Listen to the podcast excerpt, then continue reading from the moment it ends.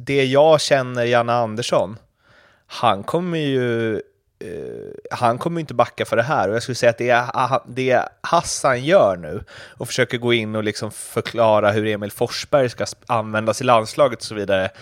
Jag, jag skulle tippa att det är högt upp på topplistan över saker som Jan Andersson inte tycker om. Nej men så är det ju garanterat. Och, alltså, oavsett, eh, nu, nu, utan att på något sätt rikta någon form av eh, liksom eh, kritik mot någon form av rådgivare eller, eller på något sätt så. Lite annan approach den här veckan Erik. Ja, men jag vill ändå liksom...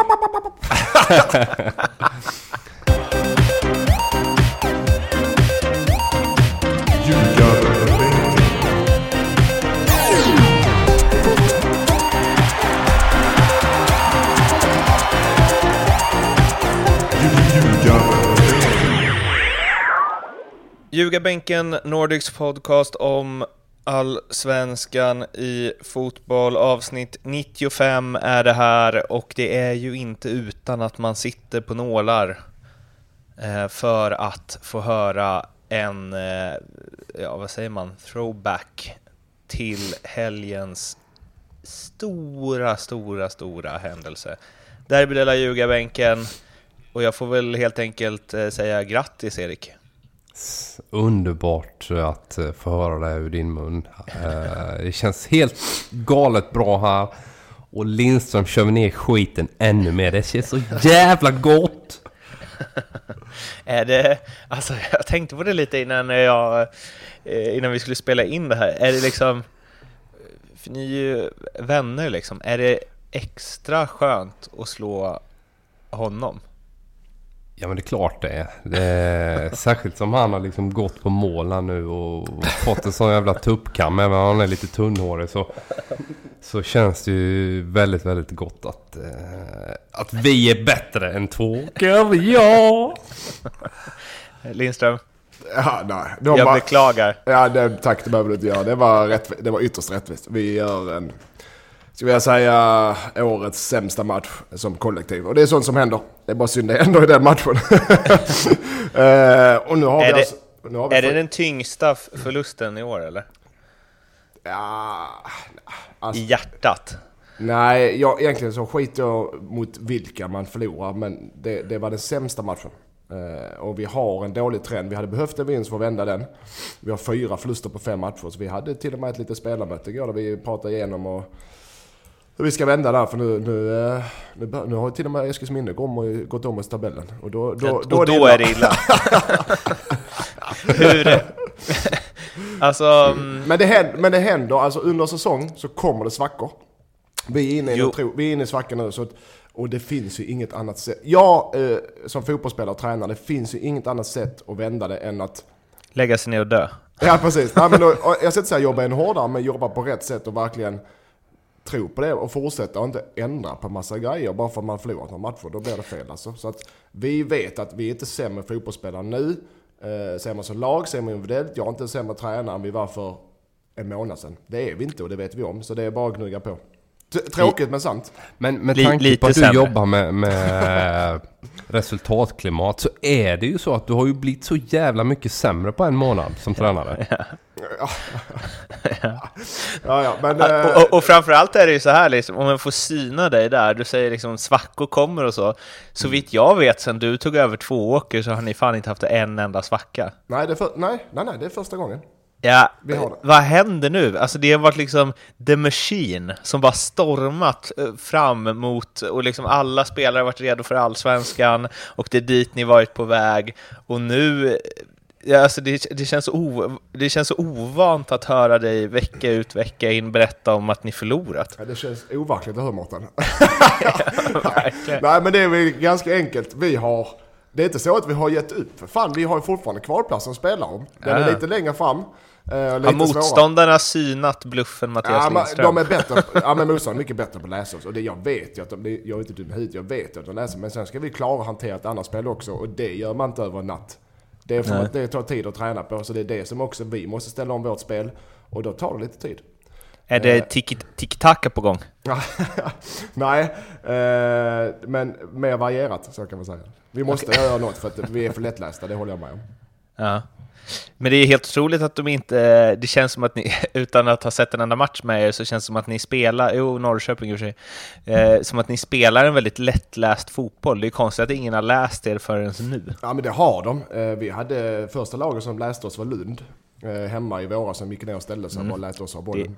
Universitet, universitetsstaden, väldigt Ja. symboliskt att ja, de precis. läste er. Och det är inte svårläst. Det kan ju vilken tränare som helst i serien läsa. Så att det är inte svårläst. Det är bara att vi ska klara att hantera det också. Att Okej, de stänger, vi stänger kanten för två och vi backar ner och låter dem ha bollen istället. Det, det, det är det lagen gör mot oss nu. Så att eh, det är lite tuffare.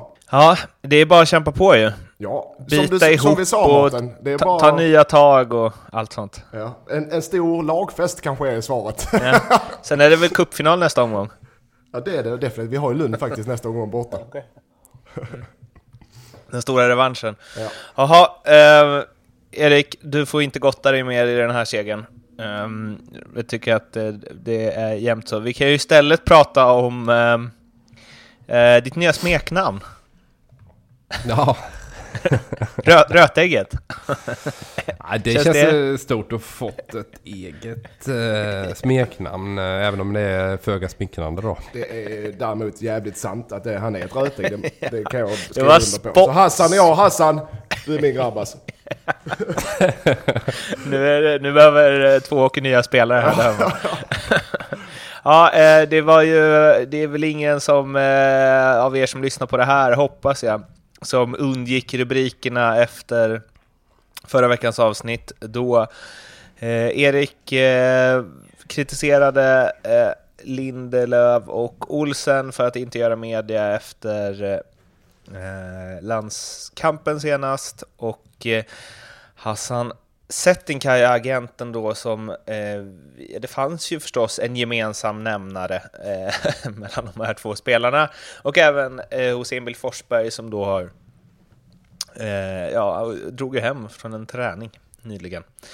Eh, ja, eh, han gick ut och sa då att Erik Edman är ett rötägg som inte kan någonting om fotboll.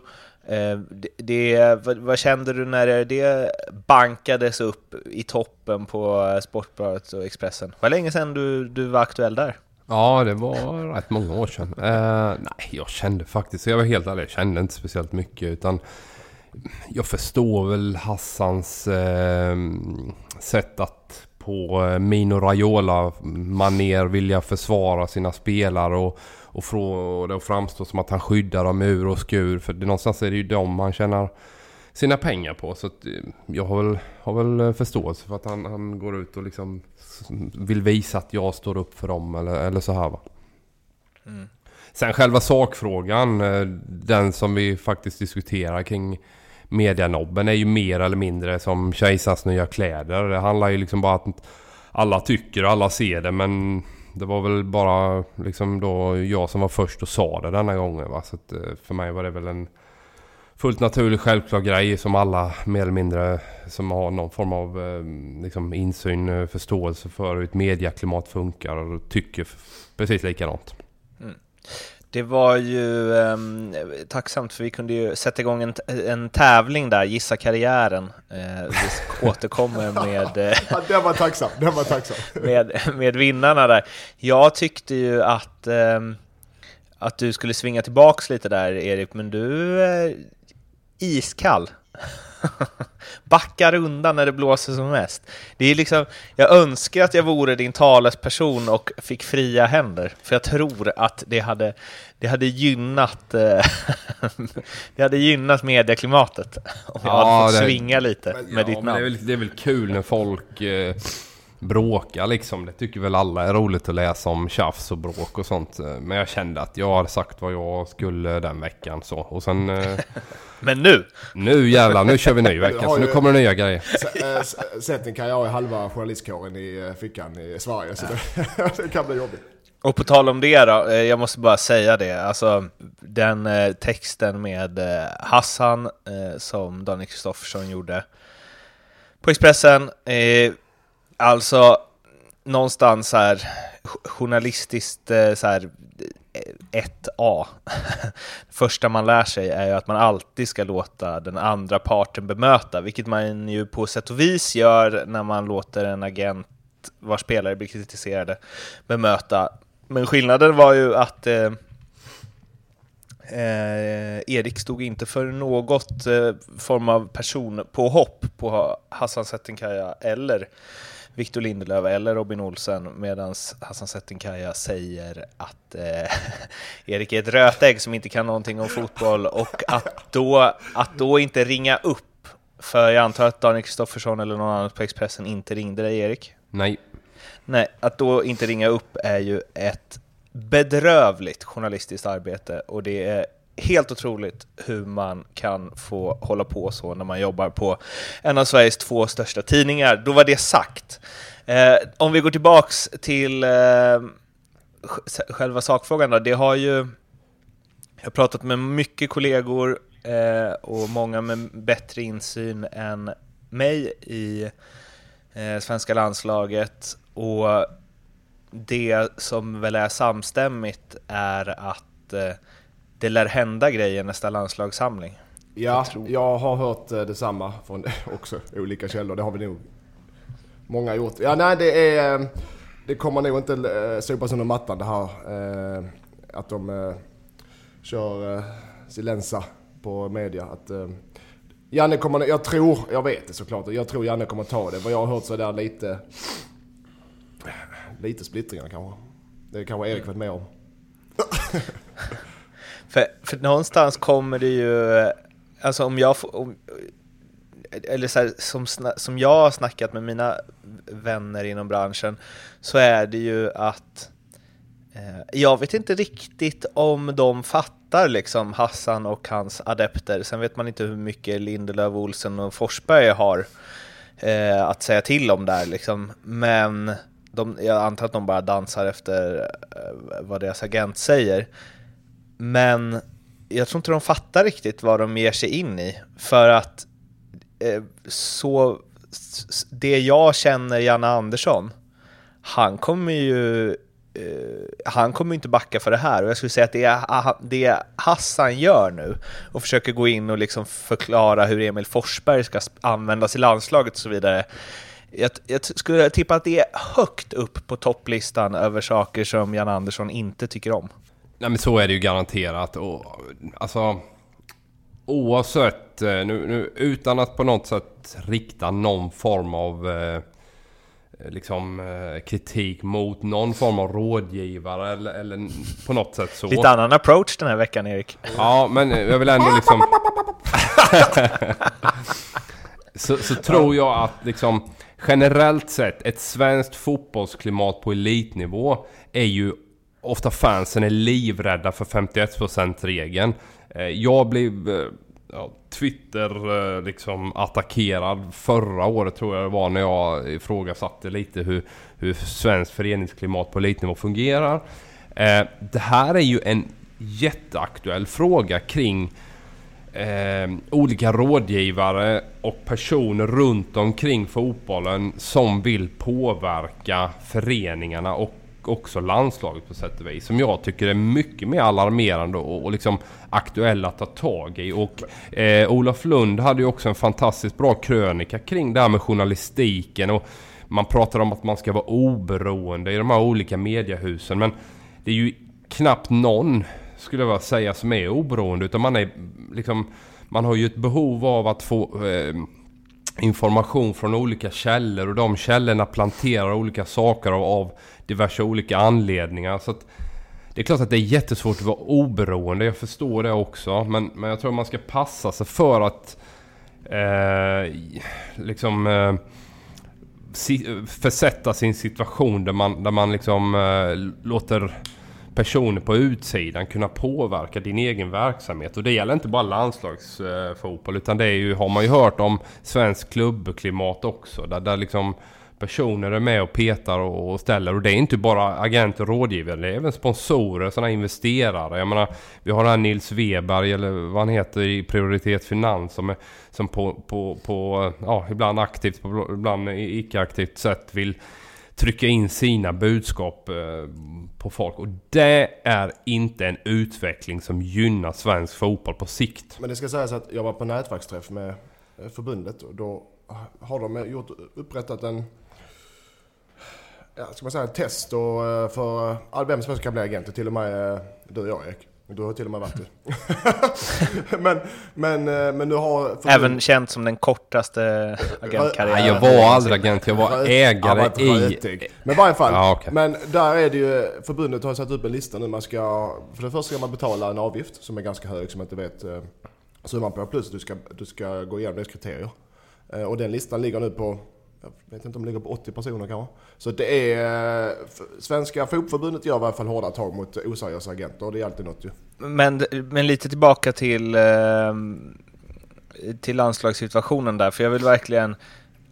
Alltså, för jag tror att... Alltså, jag tror att de, att Hassan och jag tror de fattar så lite vad de ger sig in i. Alltså, jag tror att om de inte, om man kan säga så, om de inte skärper sig. Jag, jag, alltså Janne väljer ju hellre att, eh, att ställa den trion utanför landslaget än att de ska inte rätta in sig i ledet. Alltså det är ett... Jag hoppas... Alltså även om jag, det, det, jag är, hoppas det är har rätt. långt dit. Jag Men jag säger så här, det är ingen omöjlighet att Jan Andersson säger så här, antingen är ni med i landslaget och då gör ni som alla andra, eller så är ni inte med i landslaget oavsett om ni spelar i Manchester United, Leipzig och Roma. Jag hoppas du har rätt Mårten. Så det är inte så lätt heller för du har ändå en generationsväxling och Granqvist och Seb Larsson de som är ja, förr eller senare på väg ut.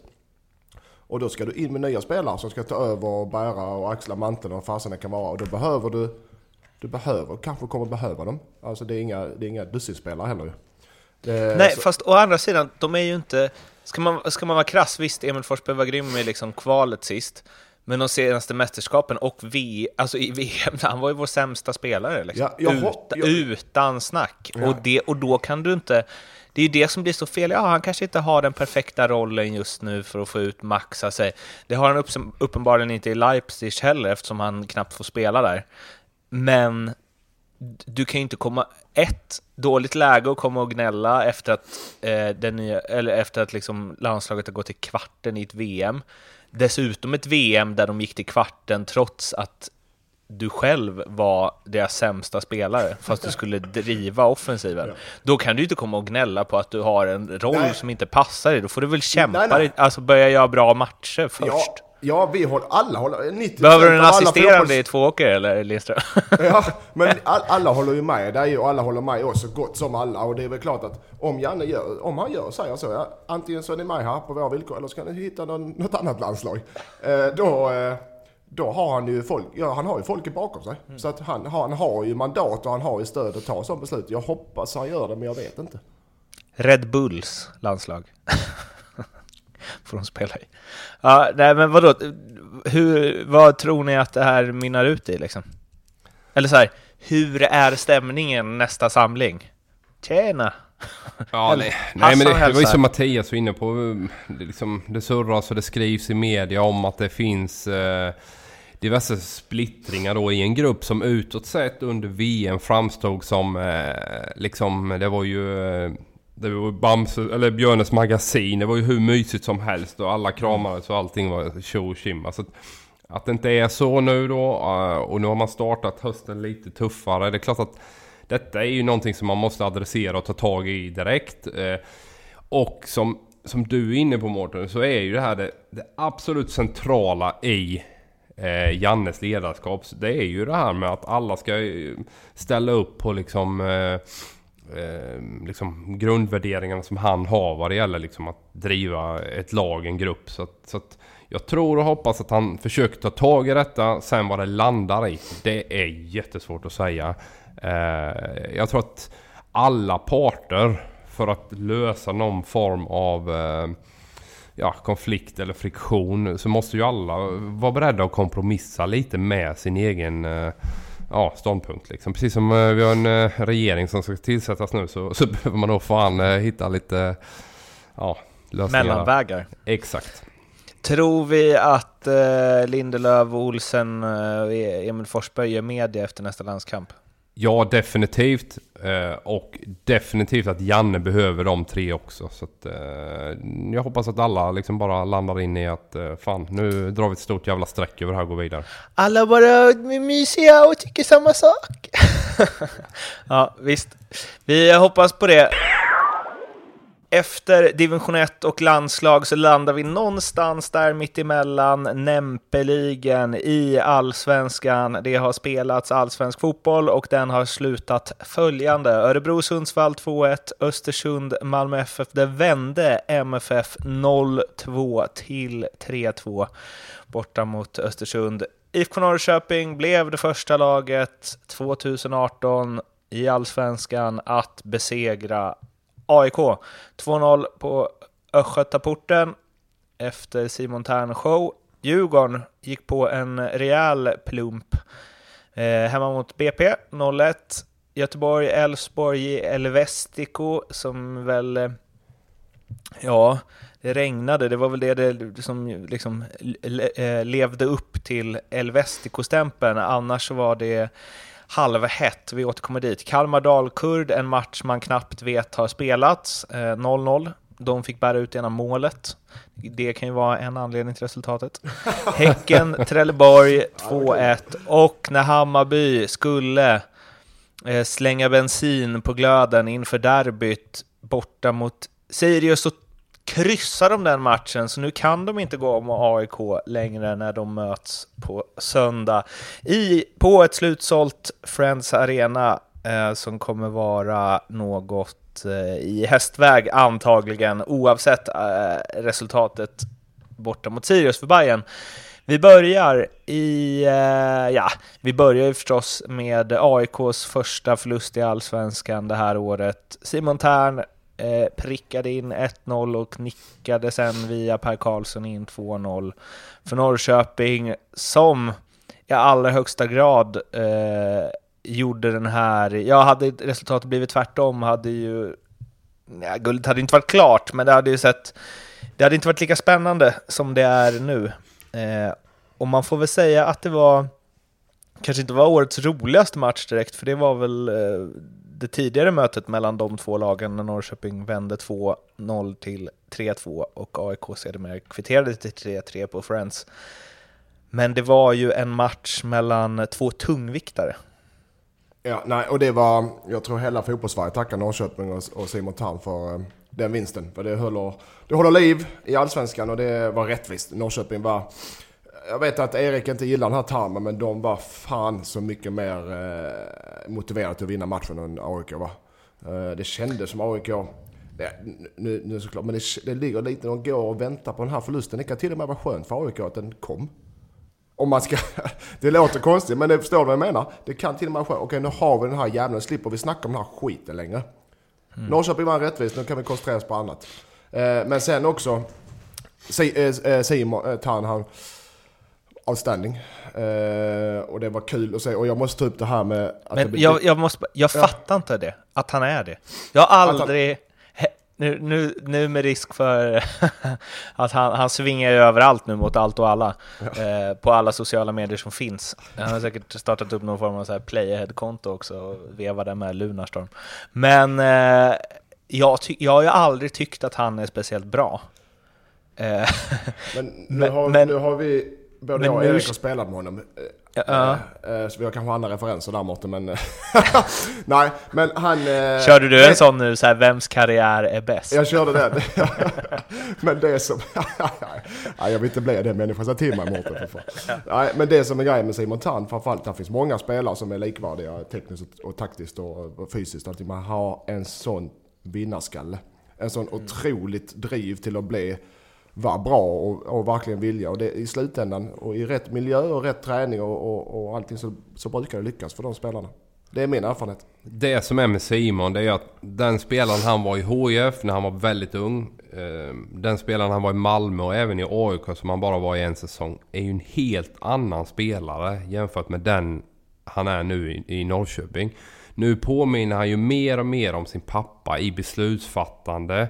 Eh, där han liksom är mer sittande men har ändå en jäkla fin egenskap att kunna driva boll mellan linjer och ta fram den och, och liksom eh, har ju ett helt annat defensivt tänk i sig och en förståelse för vikten av att när jag är en central innermittfältare så har jag också eh, en position som, som, som kontringsskydd och liksom stänga av och, och liksom ta den typen av arbete. Och den förståelsen upplevde jag aldrig fanns i HIF och jag såg det sällan i Malmö.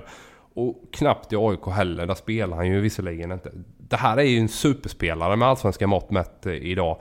Eh, som, som tillsammans med Fransson ett jävla bra innermittfält. Så att Jens har fått ordning på honom. Sen hur han har jobbat, det vet jag inte. Men det här är en riktigt jävla bra spelare idag.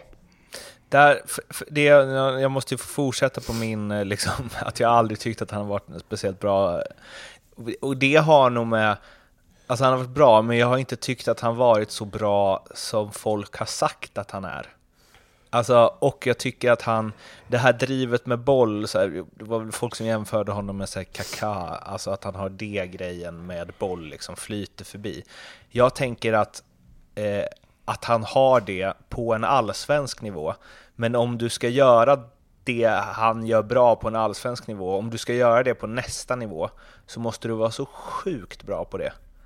Eh, och, jag tror inte, och det har han ju inte. Nej, men det är det, det, det Erik var inne Nej, det vet vi inte nu. Han, han, han Eller han hade det i alla fall inte. Han, är men han, han har ju gått på en del, han är ung men han har fortfarande redan gått på en del smällar sen Kaja. Han har varit i de största lagen i Sverige, han har varit utomlands, han har varit långtidsskadad, han har, han har varit petad, han har varit hatad bland supportrar. Han har mycket i bagaget redan som fotbollsspelare. Och lägg då till det som Erik sa, att han lär sig hur han ska hantera position på planen, hur han ska producera spelet och var han ska ligga i position och att han inte får så hög felprocent etc. Alla, alla de här fotbollsmässiga grejerna. Tillsammans i den soppan så blir det jävligt bra. Uh, så att han... Där, som jag säger där, den, den utvecklingen har precis börjat. Så tror jag bara börjat vid 26 års ålder. Nej men du förstår vad jag menar. Men att, alltså, nu, nu, nu, det är nu, man, man pikar som fotbollsspelare mellan 25 och 33 eller vad fasen de säger, 30 kanske. Så nu, han har ju sin peak och det kommer fortsätta säkert 27, 28, 29, 30, 4, 5 år till kommer han i pika. Så mm. det är det jag menar, det, nu, nu går det bara uppåt från nu. Uh, vad skulle du säga om honom uh, Lindström? Ja, nej men det jag menar med, ja det kan vi ta, eh, för nu har vi pratat förut Simon, men om hans fotbollskvalitet. Men att han går, det här med att han, försöker, att han behöver gå ut och försvara att han firar mål. Jag tycker jag, det blir... Det är en löjlig diskussion. Att han, det är klart att han ska fira. Hur länge var han i AIK? En säsong? Och han spelar inte och ja. Det är väl klart Det känns ska... som vi har snackat... Firade du, du nätet väl mot HIF? Ja men, det, ja, men det, jag är uppfostrad HIF, det är en helt annan grej kanske. Jag har varit, jag, hela, jag hela så... mitt liv jag har varit på Olympia och, och sprungit i katakomberna där. Men i, har han ingen relation till klubben mer än att han har varit där en säsong han är inte fostrad, han spelar för Norrköping och spelar om... Det är väl Var dessutom petad. Ja, det ja men det spelar kanske mindre, men det är såklart han ska fira för fasen. Va? Jag tror... Håller ni med mig eller? Ja men det är klart vi håller med. Sen, ja. sen är ju det här en, en, en, fråga också kring det här med sociala medier. Här har ju inte den svenska lagstiftningen kunnat hänga med. Vi hade ju den här situationen med, med Durmaz, Backa Durmaz här i somras liksom när, när folk som är förbannade liksom spyr ut sin galla. Och det vet vi väl alla att, att folk som inte är överens med oss på olika sätt när man säger grejer och då, då liksom, gör jag en dålig insats som kommentator så, så får jag höra det också hur jävla kass jag är. Och där ska man nog ändå vara så pass Ett medveten. Rötägg. Ja, till exempel. Men där ska man nog ändå vara så pass medveten om att okej, okay, väljer jag detta forumet och liksom uttrycka mig och vara med och tycka till och hänga, hänga på liksom. Så måste du ju vara beredd också att du kommer ju stöta på lite nättroll och folk som inte håller med dig. Så ja, men jag tror, tror att fram tills vi hittar en lösning liksom i lagen kring detta så måste man nog ändå vara så pass ödmjuk och säga att okej, okay, fan, ger jag mig in i detta då måste jag fan vara beredd också att få lite skit va. Mm. Men, eh, och det eh, är han och, och ger ju tillbaka. Men eh, jag måste bara, eh, på tal om hans firande, en aik på Twitter som heter Niklas Jonevred uh, skrev så här efter. Han bara, jag blir helt ärligt mer irriterad om en gammal AIK-spelare inte jublar när han gör mål mot oss. Man vet liksom att han är skitglad men håller det inne. Fruktansvärt provocerande. ja, det, är också ett sätt, det är också ett sätt att se det. Men jag tycker mer om du, när framförallt tabellen är som den är och han trivs han, hans, det är hans arbetsgivare. Jag tycker det är respektlöst gentemot sina lagkamrater och inte fira när man avgör, eh, när man blandar sig i guldstriden. tycker jag mer att mm. han spelar Norrköping, det är hans lagkamrater. Fler Adbajor-ruscher säger jag. Ja. Jag är för det. Fira mot gamla lag. Glid ner på knä framför den klacken. Ja, Hyscha! alltså, vara. älskar sånt. Hyschningar, det absolut bästa. Eh, det, är som, eh, det är ju liksom, eh, jag tycker sånt, det, eller det bidrar ju till en hetta. Och det är så här, klart som fan att Simon blir glad när han sänker laget han inte riktigt fick en chans i, men det har ju inget med, vad- äh, jag vet inte. Jag tycker att han är eh, respektfull på alla sätt och vis, så jag tycker nästan att det är mer respektfullt att jubla mot sitt gamla lag faktiskt. Eh, det är ju liksom konstigt att man inte blir glad. Det är väl Robbie Keane som, eh, som aldrig jublar mot sitt gamla lag, vilket blir problem eftersom han har så här 15 klubbar på meritlistan. Det han kan typ det- aldrig jubla när han gör mål. Det var som Erik då, men problemet är att han aldrig gjort ett mål. Så att, Han löste det på det sättet. om, vi, om vi pratar lite, lite om matchen också.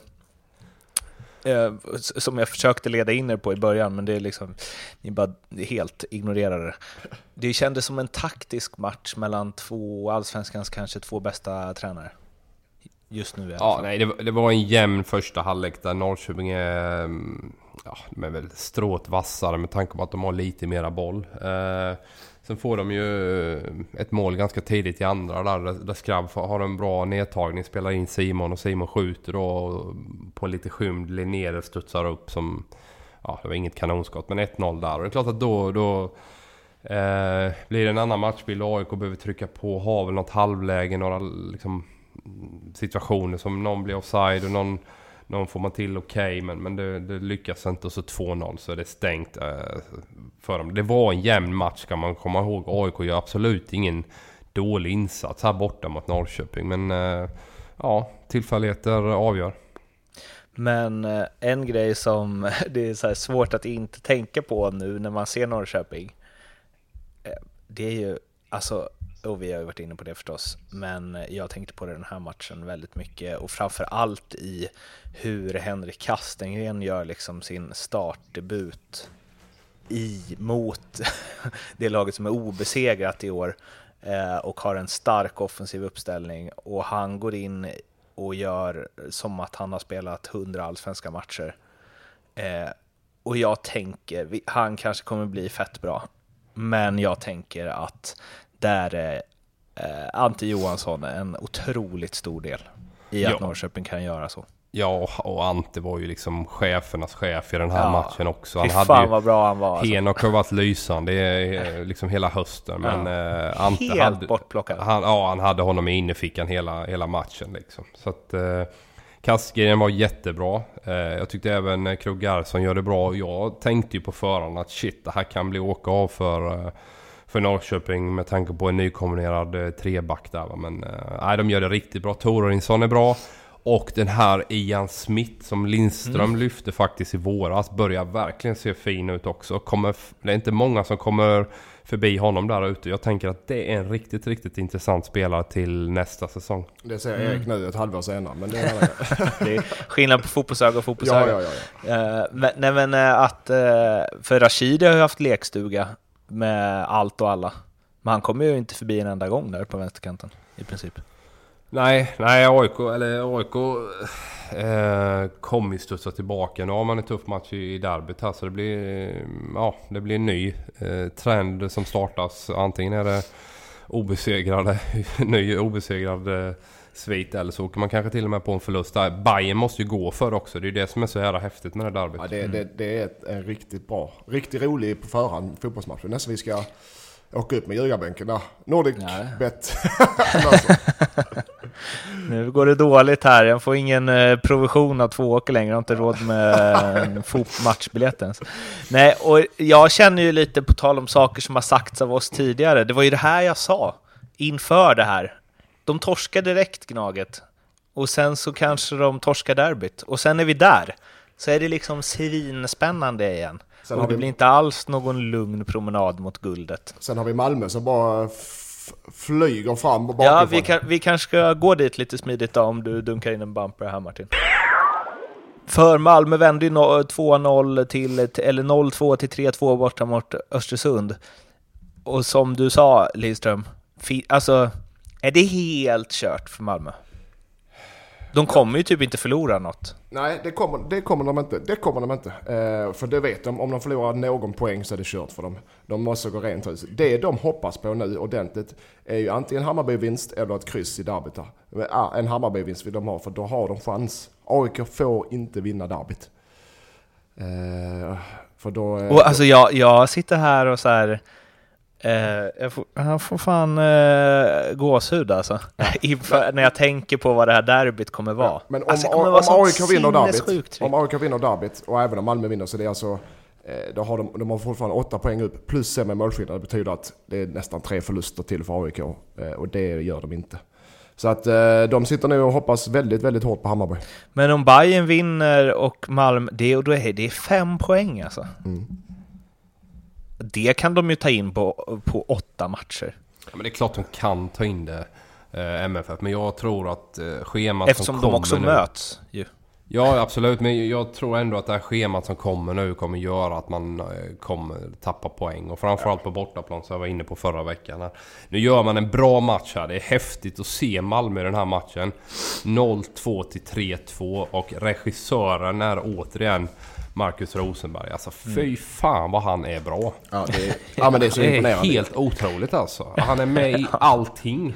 Eh, liksom, Det är en gubbe. Alltså han är ju nästan lika gammal som jag för fan alltså. Ja. Och han är så jävla bra hela tiden och beslut och ligger bakom massa saker eh, offensivt med assist och, och mål gör han ju också även om han inte han gjorde det i denna matchen. Så att, sjukt bra. Eh, Riks till exempel som jag tyckte var en väldigt märklig värvning och han var inte bra i våras. Han gör också mål hela tiden. Eh, de är skitbra. Sen så ska man ju också, kan vända på det där med med Östersund. De har ju bytt ut otroligt mycket folk och sen Ghoddos drog så är egentligen Aiesh det enda riktiga hotet. Och de ser inte alls lika homogena ut tycker jag. De har en del roliga grejer offensivt men defensivt så, så är de utspridda och, och liksom eh, vissa av de här spelarna som såg fantastiska ut förra hösten ser eh, mm, inte alls lika trygga ut nu. Det har blandats eh, bark i brödet. Det har fortfarande smakat bröd men nu fan börjar det vara eh, lite... Är det lite med träsmak? Ja, för mycket träsmak. Men Ghoddos å andra sidan, han, fortsätter ju leverera. Jag såg det, jag såg han tog en frispark upp i Klöjkan där. Ja. Trevligt. Uff, I den, honom skulle vi haft i landslaget. det skulle vi. Typiskt. Ja, eh, men... ehm, eh, ja, nej, men jag måste bara stämma in i det med Mackan alltså. Det är ju... Ja, otroligt hur han... eh, Hur han... Vad han ger till... Liksom, alltså det går ju inte att... Hur fan ska det gå? Det är, som, ja, men det är som han och Ante. Det är två, fast Ja. på olika positioner. Då. Så det är sådana, sådana spelare är fan helt jävla omöjliga att ersätta i ett lag. Alltså. Men jag måste ta, jag, jag, jag säger inte att jag tror Malmö vinner guld eller att jag vill det för den delen. Om man, där måste finnas någon procentsats som att det kan inte vara mer än 7-8 procent av chans. Alltså. Något liknande. Så jag tror såklart inte de tar guld men den lever. Kan- så länge den lever så finns den. Vi får väl be ehm, Leo på NordicBet uh, skaka fram ett odds på att Malmö vinner guld. Mm. Den är ändå... Och vad hade det varit? Då lägger måste han ju av. Det, eller eller så här, tror ni Rosenberg lägger av eller tror ni han börjar vackla igen? Det var Ja, ja, du känner Rössle honom har ju sagt att jag han är vet inte. där och Nej, jag skaver känner liksom. inte alls. eh, Men eh, jag tror att han eh, gillar fotboll. Mer än paddel. Eh, Så att jag, jag tror att Daniel kommer lägga upp ett eh, riktigt bra erbjudande på bordet. Och till slut kommer man rita på igen. För att eh, det är lika bra att köra eh, ett år till minst. eh, Med tanke på den kvaliteten han har. Jag var inne på det inför säsongen att man måste pulsera hans match, eh, matchning. Att liksom plocka av honom tidigt i andra halvlek. Sätta honom på bänken vissa matcher. Men nu har han ju... Han leder ju det här laget match efter match. eh, Och, och liksom... Absolut bästa exemplet var ju mot Midtjylland där när han liksom... Nu jävlar, nu, nu är det dags att steppa upp. Ja, då är han ju fullständig chef där. Och jag tycker även i serien när de har behövt honom som mest. Ja, då är han som bäst. Ja. Det är, ja, det är, jag tänkte ju så här, ja, ja, men nu kommer det ändå börja liksom. Och han har gnällt ganska mycket på sin kropp och så vidare. Men han är ju bättre i år än vad han var i fjol. Ja, definitivt. Mycket bättre. Eh, Ja men det är intressant det där. Vad är han värd då? Alltså, Ja, med tanke på de löner som de uh, pröjsar till, uh, till de andra i laget så... Eh, Alltså, han är mest värdefull i... Ja, nej men det är definitivt 250 000. Där hör du, Danne. Bara att lätta på plånboken. Eh, det har de ju råd med nu efter Europa League och grejer. Ja, det, det, vad tror du Lindström? Tror han gör ett år till? Om eh, kroppen... Eh, nej, det tror jag inte. Jag tror inte han orkar motivera sig. Där har vi också ett framtida odds. Lindströms sida eller Edmans sida. Jag tror faktiskt också att han kommer... eh, Jag är på ditt, din sida Erik. För, det, för att annars hade han liksom sagt ifrån när det börjar stå alla de här grejerna, tror jag. Mm, det tänker jag också. För det är lika bra att köra en avskedsturné där han blir hyllad. Eh, Ja. eh, liksom köra en Kobe Bryant. Han åker runt Mm. eh, riket och liksom river ner applåder av alla så, Ja. eh, sista matcherna. Så att jag tror också eh, att han kommer köra ett år till för att han tycker det är jävligt kul och, och vara en del av Malmö och, och det de gör. Han sa ju till mig inför säsongen att nu är det 110% att det här är sista året. Fan, Skrev det du finns... det? Skrev du det? Nej, men jag har det inspelat. Ja. Så eh, det, finns, det finns bevis. Ska spela upp för honom om han förlänger. Säga att han inte är trovärdig längre. Mm. Intervjuer. Ja, eh, Elvestico är det dags för.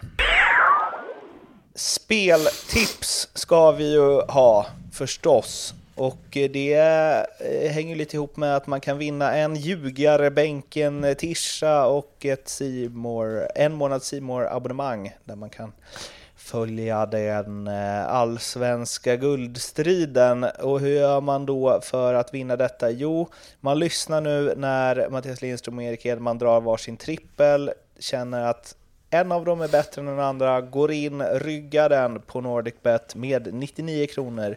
Inte 100, inte 98 och ingen annan siffra heller, utan 99 kronor om man vill vara med i utlottningen av en Ljugarbänken t-shirt och en månads gratis simor abonnemang Mattias Lindström, vad har du eh, skakat fram? Jag har skakat fram en elbotsare som då borde ge 1000 kronor ungefär. Men eh, Malmö FF Kalmar, etta, solklar.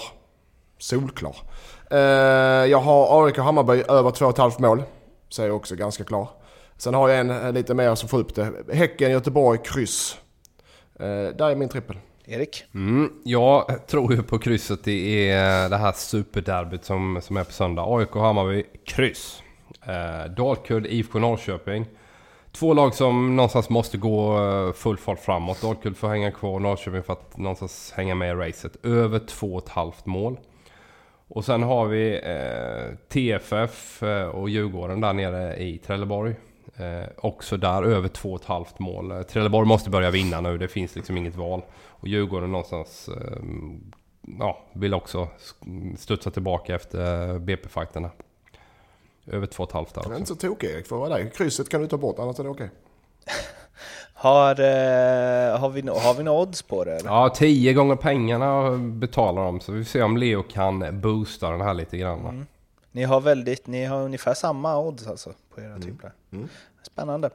In som sagt på NordicBet och rygga någon av dem med 99 spänn om ni vill vara med på eh, chansen att vinna en Ljugarbänken t-shirt och en månad gratis simor abonnemang Tack NordicBet för det.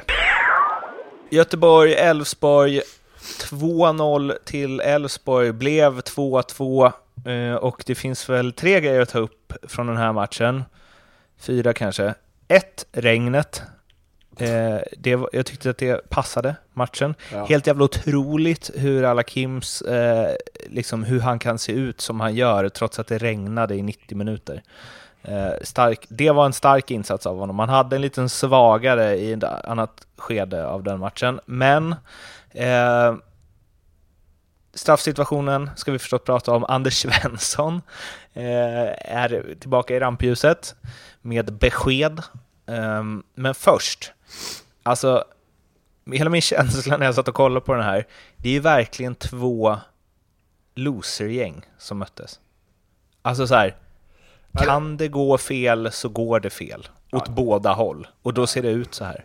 Ja, jag vill inte vilja säga losergäng för den är, den är rätt tuff. Nej, Men det, en ångest, det, vara ja, men det var en ångest, det är en ångestmatch. Det är det. Det var det ju. Eh, Ja. man, man kommer från två eh, anrika eh, säsong. Eller för, men jag menar, de här derbyna har varit fullsatta innan. Nu är det knappt, eh, jag vet inte hur många det var, 7000 kanske. Ja, men det, det var ingen folk i alla fall och det var regn och det var som du sa, det var dålig kvalitet rakt igenom. Så det var en riktig ångestmatch var det. Eh, jag tyckte att eh, en jämn match, med, en jämn match där det ingen, ingen av lagen hade det som, eh, som räckte. Däremot så tyvärr, så en gång gång så är det domaren som avgör den här tillställningen på en fruktansvärd dömd situation. Jag kan inte förstå hur han kan döma straff, knappast ens frispark. Han går ut och erkänner felet efter såklart. Men alltså, det är riktigt, riktigt, riktigt, riktigt dåligt gjort alltså. Det är division 5 nivå på den domarinsatsen. Mm. Ja men det är det, vad fan. Det, det säger sig själv ju. Men han står ju upp efteråt och ber om ursäkt och Ja, sa ja, ja, det, det blev ingen fel. Ja, ja, såklart. Ja, men det är bra ju. Men, Det blir ju fel ibland. ja, ja, det är ingen fara med det. Men man måste kunna säga att det var jävligt dåligt av honom. Det Ja, konstigt det var en horribel straff. Ja. Den konstigaste i år. Konstigare än, än Absolut. Rodic. Ja, definitivt. Det är helt sjuk straff. Alltså, som Lindström är inne på. Det, det, det är tveksamt om det ens är frispark för han lägger sig Ja, extremt lätt där ja. fan va. Men om vi tittar hela upprinnelsen eh, till det här raset för Elfsborg så är det en frispark i ytterzon där man Samuel Holmén inte har koll på startfält på bakre. Och sen blir det mental härdsmälta för Elfsborg och vi har en situation där Holmén också håller i Salomonsson in i straffområdet som mycket väl kunde blivit straff och kanske borde blivit straff. Vi har ett, för mig, såklart rött kort på eh, Jon Jönsson när han eh, går med huvudet före mot eh, Robin Söder. Helt, helt otroligt att det inte blir rött kort. Ja, nej, det är klart det är rött kort. Ehm, så Elfsborg var ju helt snett på det den här perioden av matchen. Så att eh, nu blev det domaren som så att säga avgjorde det. Men jag tror att på ett sätt att Elfsborg själva eh, mycket väl hade kunnat släppa in ett mål ändå. Ehm, sen, sen blir ju all fokus på alla Kim såklart, det förstår jag också. Men Elfsborg har det extremt jobbigt när de kommer i den här typen av situationer. Ehm, Det var ju samma förra omgången mot Djurgården då va? Då fick de också en straff emot sig som var väldigt märklig och sen rasade ihop för dem. Nu är, nu Den är, skallningen, jag måste bara säga det, för Mm. jag tycker ju så här, det han gör där, Jon Jönsson, jag tycker att det är liksom eh, fjompig grej och jag vet inte om jag tycker att det ska vara rött kort egentligen, eftersom det liksom, han lägger pannan mot honom. Liksom. Eh, men, eh, på tal om katastrofala domarinsatser så vet jag inte om det var någon som såg Juventus mot Sassuolo i helgen när Douglas Costa gjorde liksom en skalle som var kanske tio gånger så hård som Jon Jönsson så fick ett gult. Men då följde han ju upp det med att spotta spelaren i ansiktet Ja, så han fick det. ju sitt andra gula till slut. Eh, eller han fick rött direkt. Men eh, men jag tycker inte att det där är, alltså, jag tycker att det är fine att det är gult. Men problemet är ju att det är ju inte det. Alltså man har ju bestämt att du ska inte ens behöva göra en skallningsrörelse. Lägger du pannan mot så är det rött. Alltså, och, och där tyckte jag, där blev jag tveksam när Alakim står i intervjun efter matchen och säger att det är 50-50, ibland kan det vara gult, ibland är det rött. Bara, vadå 50-50? Har vi inte bestämt det här? Att skallningsrörelse rörelse med huvudet mot den andra eller om man lägger, då är det rött kort. Det kan Jo. liksom inte vara 50-50. nej, det, ja, han, du har rätt Mårten. Eh, och det vet Hakim om också att det... det Eh, han blir säkert till sitt tipp. Det, det, ja, det är rött såklart. Det är rött och det vet alla domare och alla domarkontrollanter och liknande med. Så att han, han eh, har gjort fel där också. Däremot håller jag med om att det bedöms som 50-50 ibland. Det är inte första gången jag ser en sån där situation. Nej, men sen, men sen är det också, det är också samma som Eriksson med straffsituationen på Salomonsson. Det är också straff enligt regelboken om man, om man ser det. Men de släpper ofta sådana grejer fast de ser det. Så att de är, domarna är inte konsekventa och kan inte vara där överallt. Det är som en sån grej med skallning. Där gäller det att sätta gränsen direkt. Att Mm. det, det, för nästa, nästa gång det kommer liknande situation, ja men du gav inte rött där, varför ska du ge rött där? Och, så blir det den diskussionen och det är inte lätt. Ljugarbänken tar, tar parti här mot eh, skallningar. det ska vara rött kort. Det Vi ska är emot skallningar. Men du, Eh. eh, en annan grej då, eftersom Erik, jag, jag, det här ställer en intressefråga. Är du orolig för att Elfsborg trillar ner? Eh, Kommer ni i kvalstriden nu? För det är ett poäng ner alltså. Ja, men det är klart att jag är orolig. Vad håller jag på Elfsborg eller? Nej men du har varit Ja, väldigt det gör tydlig du. med Du har att de varit pro inte ska Elfsborg hela göra året det. Ja, nej men det tror jag fortfarande inte att de kommer göra. Jag, tror- jag tror att de kommer landa över både Kalmar, Örebro och eh, Blåvitt eh, i sluttabellen. Det, det tror jag fortfarande. tror jag också. Eh, de har ett lättare schema än till exempel Blåvitt nu. Eh, tycker ändå det finns positiva tendenser. Eh, Obasi när han får bollen rättvänd och, och liksom kan göra sig liksom eh, skapa yta för sig själv så är han jättefarlig. Och de har Lundevall som, som eh, är bra. Eh, så jag tycker ändå det finns finns eh, positiva tendenser. Sen är det en mardrömssäsong och och liksom hur tar man sig ur en jobbig liksom eh, Liksom precis som Lindström var inne med två år, den här typen av jobbiga perioder som de går igenom nu. Nu har ju de haft fan tre år så här Elfsborg mer eller mindre. Där det har varit legat ett stort jävla åskmoln ovanför hela Borås. En, en, man, har, man har alltid svackor ibland. Ja, jo, Den här är nej, lite och- längre bara. Ja, nej men det är extremt tufft va. Och det, alltså, en ny tränare eller någon för, nya spelare. Jag tror att det är temporära lösningar på saker och ting. Här handlar det om att orka mobilisera kraft och fortsätta jobba. Sen kommer man komma ut på andra sidan och se det här ljuset i tunneln så småningom. Och jag tror framförallt unga spelare som Dresvig som har fått sitt genombrott i år och, och Cabe som jag tycker är jättespännande och kommer bli bättre och bättre. De kommer ha otrolig nytta av den här typen av eh, tuffa perioder eh, längre fram i sina karriärer när de kanske eh, rullar vidare till en annan miljö. Va? För att, eh, det är utvecklande att vara i skiten. Sen vill aldrig någon befinna sig i den här typen av situationer. Där, Du säger de, att, de, att de ska komma före Örebro. De ska alltså käka upp 10 poäng. Ja, det kommer de inte. Han, han vet inte vad han pratar om. Han, däremot har han rätt i när han säger att det är utvecklande liga där man gör. För det har han helt jävla rätt i. De kommer inte komma för Örebro, där har han helt fel. De kommer inte komma för Göteborg, men de kommer att klara sig kvar utan kval. Det är utveckla- Ja. Är det det ni kämpar mot i två åker eller? Ja men, ja, men exakt är därför det var utvecklande att ligga i botten har jag Ja, men- kommit fram till nu. Därför lyssnar Mårten, därför tyckte jag det var så spot on. För det är en ny situation för oss i två åker är en ny situation för mig som tränare. Men jag vet att i slutändan, både för mig och för spelarna, så är, kommer det vara positivt. Kanske inte nu. Komma stärkt ur det här Lindström. Starkt och det är det man inte eh, dör av, blir man starkare Får jag, får jag bara en spaning på uppstuds kring eh, just Elfsborg. De har alltså 19 poäng då, lika många som Brommapojkarna. Och de har 20 gjorda och 28 insläppta, minus 8. Och BP alltså 13 gjorda och 45 insläppta, minus 32. Det säger ju något om något. Jag vet oklart vad, om vad. Ja, men om, du säger, om du kollar på de fyra sista lagen som är BP, Sirius, Dalkurd och Trelleborg så är de överlägset eh, sämst i målskillnad. Och det säger väl att de är där av en anledning. Eh, Men det är, Elfs- jo, Elfsborg jag kommer vet. klara sig. Men det är väl det att Elfsborg har så här, även om de har släppt in 28 mål och bara har minus 8, så de, de, det är ju det som du sa Erik, de så här, mentalt är de ju dåliga. För det känns som att de har vikt ner sig på, på mållinjen mycket i år liksom. Ja, men det händer ju saker i deras matcher som inte har någon form eller har, har någonting med, för mig med att göra med, med spelidé eller liksom eh, taktisk positionering, offensivt, defensivt. Utan det, det är liksom det är eh, liksom individuella misstag. Och, Det är ju slarv är det ju. Ja, slarv, det handlar ju om fokus, självförtroende. grejer. Ja, självförtroende som Mattias är inne på. Som, som gör att du, du, du liksom tar beslut, irrationella felbeslut kan man väl säga. Liksom. Ja men det, vi pratade faktiskt om det innan. vi Får, jag bara snabbt? Ja. Irrationella felbeslut skulle jag säga är ju en, eh, ett pretentiöst sätt att säga slarv på. Ja men det är det. Men, Unforced errors som Ja, man pratar ja. om i tennis. Vi pratade om det här innan vi började spela in, att vi, det är sådana som vår match mot ni Eskil- utan Lyssna här, lyssna här. Som vår match mot Eskilsminne till exempel i helgen, där vi gör, mina spelare gör misstag som de aldrig gör. Eh, Men det gör man när det går dåligt och självförtroendet börjar sätta sig, ja då missar man en pass på tre meter som man sätter nio av tio gånger. Helt plötsligt behöver man missa sådana grejer för att hjärnan spelar en spratt. Och då, om man blir osäker, det är samma som händer i Elfsborg. Så fort de får en ytterstens-frispark, kanske, när det är 10 minuter kvar de leder, ja då blir det helt plötsligt, oh jävlar, tänk om det blir mål nu, vad fan gör vi då? När den kommer, det är då det är tufft. Både som tränare och spelare, hur vänder man det?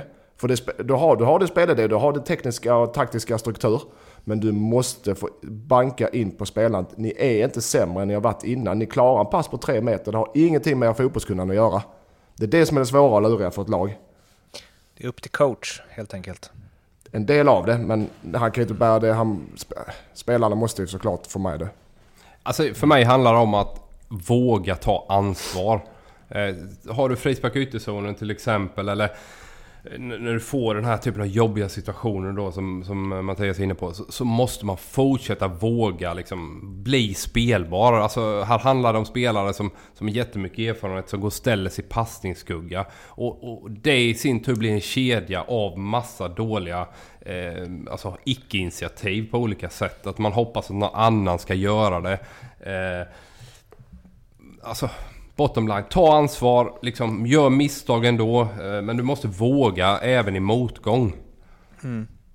Skärp er. Ungefär så ja. Mm. eh, Anders Svensson då? ja. Han är tillbaka i rubrikerna. Vet precis vad han gör, tänker man. Ja, jag vet Ja, jag tror det mer var mest i affekt. Han uh, var ute och svingade lite. Ja, han har ju rätt i det han säger, men uh, det låter jävligt illa att man går ut. Det är mer, som en dålig förlorare faktiskt. Men han har ju rätt det, i Han är ju världens sämsta förlorare. Ja, det han. Ja, jag tror att det där... Jag tänkte liksom, precis säga det. Jag, jag, jag, vet inte, men jag kan, kan ändå tycka att det är rätt så bra för Elfsborg att ha fått in honom där. Eh, och kanske liksom ta en del smällar i media liksom. Eh, alltså gå, gå ut och, och, och tycka till och, och, trycka till kanske på olika sätt där motståndare och sådär. Och så kan, eh, kan övriga ledningen ligga lite i bakvattnet. Att jag tycker det är kanon av Anders eh, och det är rätt eh, uppfriskande också. Det kan, jag menar, det kan vara lite uppfriskande. Kanske elda på gruppen lite och få dem att nu jävlar, nu jävlar. Den, den lilla känslan kanske kan räcka. Ja, får se om eh, Anders eh, får fart på det där då med de här uttalandena. Djurgården BP, på tal om lag som skulle behöva lite fart. Eh, Djurgården alltså, det är ju... Eh, när du skickade lite förslag till körschema där e-, Erik så skrev du att eh, derbysegen som de tog mot Bayern att det sminkar över ett lag som är riktigt på dekis. Och dekis eh, är näst, nästan ett snällt ord till Djurgården om man ser på den här insatsen. De är, de är väldigt dåliga alltså. Ja, derbykungen var ju eh, uh, ljumskadad han och Erik Johansson. Så det är klart att det var ett enormt avbräck för dem. Men det, det här är ett lag som kommer ha det jättetufft de, de resterade nio omgångarna. Eh, Jonas Olsson har ju såklart rätt han säger de har inga forwards. Och Emrabti har velat bort hela säsongen, kommer inte iväg och liksom har ju också tappat lite fart under fötterna kan jag tycka vad det gäller egen prestation. Eh, så jag, jag, tror de kommer få slita resterande säsongen här. Eh, att visst, de inte satsar hårdare på Badje fattar inte jag. Ja, men det finns väl också en anledning då kanske att, att uh, Öskan känner att han är för ojämn i, i sitt spel. Uh, Isak gör ju en jättetavla. Men det är ändå ett bevis på att liksom ett lag som inte kan liksom skapa tillräckligt med målchanser för att kunna liksom lösa detta ändå mot ett BP på hemmaplan. Det säger ganska mycket tycker jag. Mm. Ja, Djurgården ska nog vara... Nej, jag vet inte. Nu höll jag på att slänga ut med något klysch. Men jo, jag tror att de ska vara glada att det bara är nio matcher kvar. Ja, så kan man säga det. För jag tror att det här skulle kunna gå riktigt dåligt, faktiskt. Det känns som att, eh, nej jag vet inte fan. Det var liksom som att derbysegern tog dem för att de var så i underläge och kunde egentligen bara spela på att tråka sönder Bayern liksom. Mm, de har svårt, för nu har de till exempel Trelleborg borta, de hade BP, men de har svårt när de är stor, stora favoriter och ska föra spelet. Mm. Det har de svårt för. Uh, och, och, det, och därför åker Trelleborg nu. Nu är mattan ganska fin där nere, men, men uh, det, är ingen, det är ingen rolig match efter en uh, hemmaförlust mot BP. Tiki-taka-vallen. Men ja. alltså det är ju... Jag vet inte, det är också så här Örskan efter match han så pratade mycket om att han hade misslyckats med att motivera spelarna, eller så här, att han hade tryckt mycket på att, det liksom, att de måste ha fokus, inte underskattning, att de måste göra jobbet, att de måste vara aggressiva. Alltså, så fort en tränare börjar snacka så, Ja, det, jag tycker det ringer varningsklockor då alltså. Ja, då låter han som en hockeytränare eller Ja, verkligen. Vi skulle in på mål mer, vi skulle åkt mer skridskor. Eh, nej, jag vet inte fan alltså. Jag tycker det där, då börjar direkt så här, hur är spelidén? Hur... Och visst, han kanske är en tränare som driver mycket på att så få ihop gruppen och jobba åt samma håll och så. Men då måste det finnas någon annan som sköter det det, det taktiska. Där, Ja. där ska du ha en mix mellan Thelin och Öskan. Det hade varit en bra Ja, tränare. Faktiskt. Nej, jag tror också att det, det, det är. Spännande duo kände jag Ja. direkt. Nu vet jag inte riktigt vad Djurgården har i, i staben där, men jag, tror, jag känner också lite att kanske någon liten draghjälp till det, till det taktiska och spelidén för honom hade varit bra. För det andra, att motivera spelarna och ta gruppen, det tror jag han är klockren på. Någon som kommer behöva ta gruppen eh, idag kanske är ju Stefan Billborn. Hammarby skulle knapra in försprånget till AIK och se till så att de vid vinst kunde ta över vinst i derbyt kunde ta över serieledningen. Men då blev det bottennapp borta mot Sirius 1-1 efter att ha legat under med 1-0. Rodic räddade en poäng. Rodic, Hamad, Tankovic, den offensiva trion byttes ut. Alla småtjuriga över det. Stefan Billborn sa att han skiter fullständigt i om de var det för att det här är inte sjumannafotboll, att man får vara kvar på plan bara för att man gör mål. Rodic blev alltså utbytt direkt efter sitt mål. Um, va, och det här var väl, har de tagit en, senast, en poäng senaste tre va, Bayern? Um, vad försiggår? Nej. För det första, jag tycker eh, det visar styrka från Billborn som tränare att göra de här bytena. Det, det, det tycker jag. Och jag tycker det är uttalat efter också att han tycker det var rätt byte. Vi blev bättre efter bytena håller jag med honom också om. Eh, och även att det visar resten av gruppen att spelar ingen roll vem det är, vad du har gjort. Jag byter det som är bäst för laget. Som jag tror vinner matchen. Det visar han verkligen och det tror jag i, i längden så vinner han på det. Det är min uppfattning. Ja, jag håller helt med. Eh, jätteviktigt att, att liksom, eh, liksom lyfta av eh, spelare som inte riktigt levererar och liksom försöka göra allt man kan i en match där man inte får till det speciellt bra.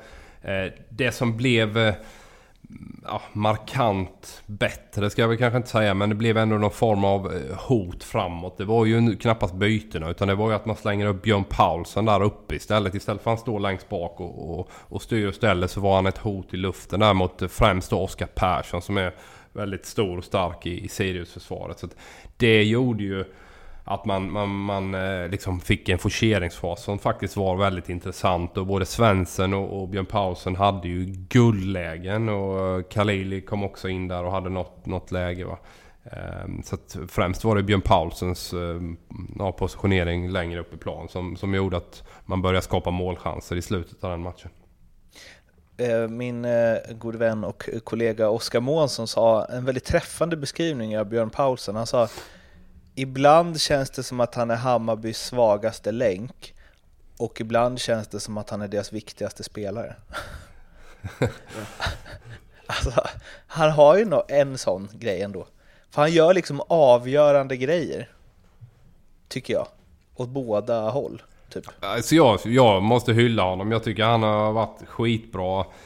Eh, I stort sett sedan han kom till Hammarby. Och det är klart att Mikkelsen eh, plockar med sig honom och han ser de kvaliteterna som man visar i Danmark. Jag tycker han har varit jättebra hela vägen och verkar vara en ledare också för det här laget tillsammans med Djurdjic. Eh, som har gjort att de har haft den här fantastiska säsongen hittills. Eh, ja, jag tycker han är grym.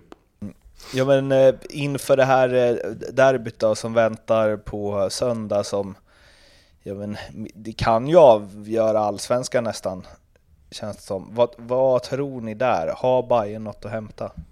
Ja, ett derby framförallt med den, de förutsättningarna att Hammarby, det är ganska enkla förutsättningar för dem. Väldigt enkla. Vinn matchen eller guldracet är kört. När du har dem, den, den ingången till en match så är det mycket, mycket lättare för dem än för AIK som, fan, som kan bli stissiga och spela på resultat. Det ger inte samma effekt. Jag tror att Hammarby, Hammarby kommer att gå ut från minut ett och köra för vinsten och det kommer... Jag, kan, jag vågar inte ge mig in hur det slutar, eh, mer än att det kommer bli målrikt. Det är två, som jag ser det, det är två jämna lag alltså. Ja, Erik? Jag tror eh, inte att det blir målrikt. Jag tror att AIKs eh, defensiv kommer göra att den stänger ner Hammarby här. Och Hammarby kommer vilja gå före från, från minut ett som Mattias är inne på. Men jag tror att eh, alltså klassiskt Stockholmsderby som slutar kryss. Och det kommer vara bengalbränningar så att det kommer bli försenad avspark. Och sen kommer de smälla igång på, på fyrverkerier igen. Och så blir det avbrott igen. Så jag tror att det kommer gynna AIK. Eh, när fansen kommer köra det racet. Eh, och det blir ryckigt. Eh, sen är det ofta, de här Stockholmsderbyna är ju väldigt sällan det blir riktigt, riktigt bra fotboll. Utan det är mycket kamp och det ska smällas på och visa fansen att man står upp för klubben och de här bitarna. Som gör att spelet blir lidande. Så att jag säger kryss här. Spännande. Med kryss, de, kryss kommer det inte bli ju. Har, när ett lag måste vinna så blir det väldigt, väldigt, väldigt sällan kryss. Okej, det är din åsikt. Det får du stå för. Det blir inte kryss och så blir det absolut kryss. Det är spådomarna från eh, eh, ljugarbänken den här veckan inför det stekheta derbyt mellan AIK och Hammarby på Friends på söndag.